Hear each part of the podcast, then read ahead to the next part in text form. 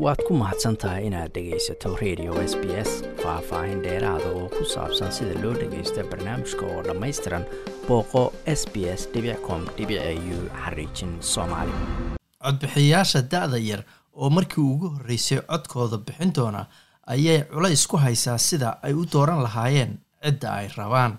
Doorashada federaalka ayaa soo dhowaanaysa iyadoo la filayo in ay markoodii ugu horreysay ay cod bixiyaan in ka badan nus milyan qof oo australiyan ah dadka da-doodu u dhaxayso siddeed iyo toban ilaa labaatan sano ayay u noqon doontaa fursaddeedii ugu horreysay oo ay codkooda kaga dhiiban doonaan doorashada heer qaran.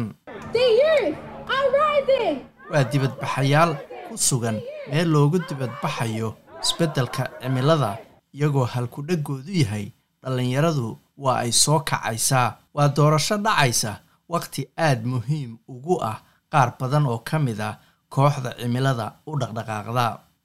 Dibadbaxyada ay iskuullada iyo ardadoodu qabteen ee lagu taageerayo dhaqdhaqaaqa isbeddelka cimilada ayaa soo shaacbaxay sannadkii labadii kun iyo sagaaliyo tobankii iyadoo uu weli sii xoogeystay kadib masiibooyinkii dabka iyo daadadka ee ka dhacay australia sannadihii la soo dhaafay. Varsha yesman waa gabadh sagaal iyo toban jir ah. Horseedna ka ahayd qabanqaabadii ololayaasha dhaqdhaqaaqa cimilada. Xilliganna waxa ay kaaliyo sharci yaqaan ka tahay magaalada sydney iyadoo howlaheedii dhaqdhaqaaqa cimilada sii wadataa Um, but I think there's also a lot of pressure because it's the first time that a lot of people from my generation are able to vote. And runtii aad ayaan ugu faraxsanahay laakiin waxaan filayaa in sidoo kale uu jiro cadaadis badani. sababtoo ah waa markii ugu horreysay ee ay dad badan oo jiilkayga ah u suura gashay inay codeeyaan. Waxay u eg tahay in culays badani naga saaran yahay sidii aanu u samayn lahayn doorasho sax ah oo na siisa mustaqbal ammaan ah. Mas'uuliyad culus baa awalba na saarnayd mana aanu rabno inay nagu sii cuslaato mustaqbalka ayay tiri neef o connor smith oo iyaduna u dooda cimilada waxay degan tahay magaalada melbourne. Waxa ayna sheegtay in siyaasadaha dowladdu yihiin kuwo aan la aqbali karin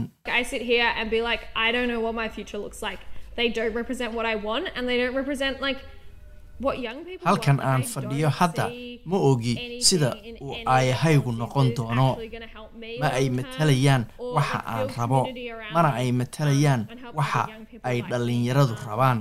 Xataa mid keliya oo ka mida siyaasadahooda kuma arko wax i caawin doona aayaha dambe ama ka caawin doona dhallinyarada aniga oo kale ah inay dhistaan mustaqbal ayay tiri.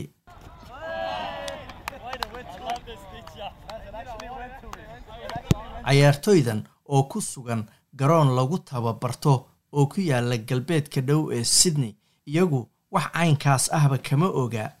Doorashada soo dhow.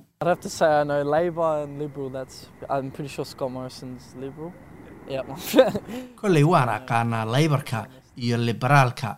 Aadna waan u hubaa in uu scott morrison yahay liberaal. Markaan daacad kuula hadlo intaas uun baan ka aqaanaa. Mid kale ayaa yidhi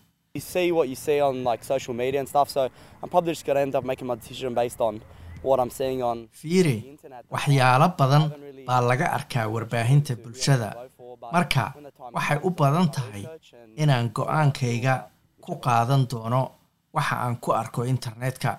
Marka doorashada la gaaro runtii aad ugamaanan fakerin cidda aan dooran doono laakiin marka doorashada la gaaro ayaan baaritaan samayn doonaa oo aan eegi doonaa xisbi uun aan u codeeyo. Dhanka koofureed ee sydney ee la yidhaahdo deegaanka la yidhaahdo sutherlandshire waxaa ku taala xarun la yidhaahdo cornala aboriginal corporation oo u shaqaysa dadka deegaanka deggan ee ka soo jeeda dadka dalka loogu yimid xaruntu waxay ku tiirsan tahay kaalmada shaqaalaha dhallinyarada ah sida tamika lee fitzgerald oo sagaal iyo toban jira taas oo sheegtay in laga yaabo inaanay xusbiyada waaweyni mudnaanta koowaadba siin doonin codka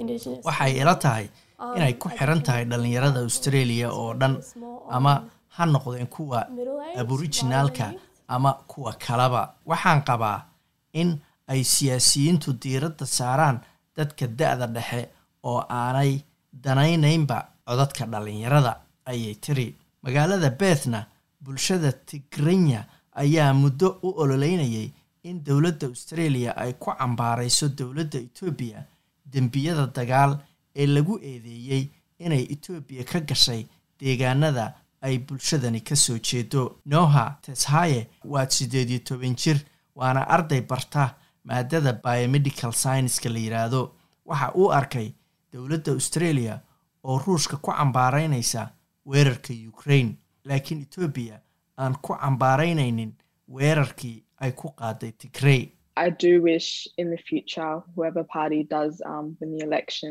Um, um, really just condemn the Ethiopian government for what. waxaan rajaynayaa in xisbigii doorashada ku guulaystaba ay etoobiya ku cambaareeyaan.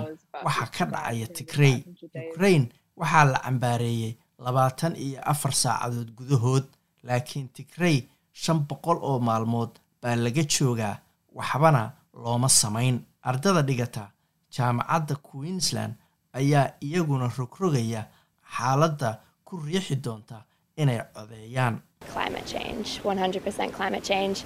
Um, and also, I think housing isbeddelka cimiladan um, la jira boqolkiiba boqol waa in isbeddelka cimilada iyo qiimaha kirada guryaha.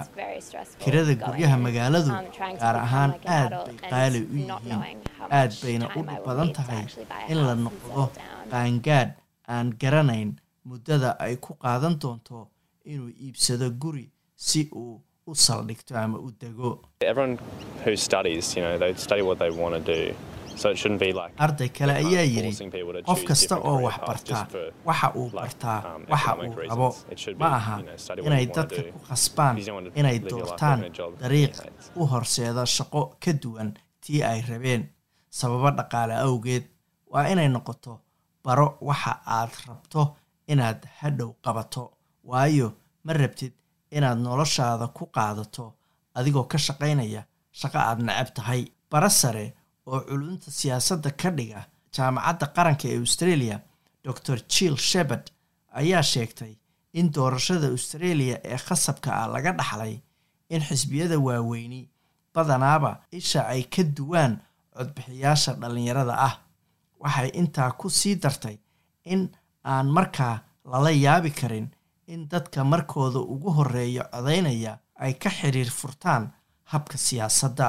I think it's the easiest job in the world for uh, the parties to engage younger people, you know, more than they're doing now because at the moment they're frankly waxay ila tahay inay all aad they u sahlan tahay in xisbiyadu dhallinyarada ula shaqeeyaan si ka badan sida hadda uh, waayo runtii xilligan uh, waxba the- kama qabtaan arrintaa waxay keliya oo u baahan yihiin inay dhallinyarada ula hadlaan si soo jiidata kala hadlaan isbeddelka cimilada iyo sidii ay waxbarasho ku heli lahaayeen.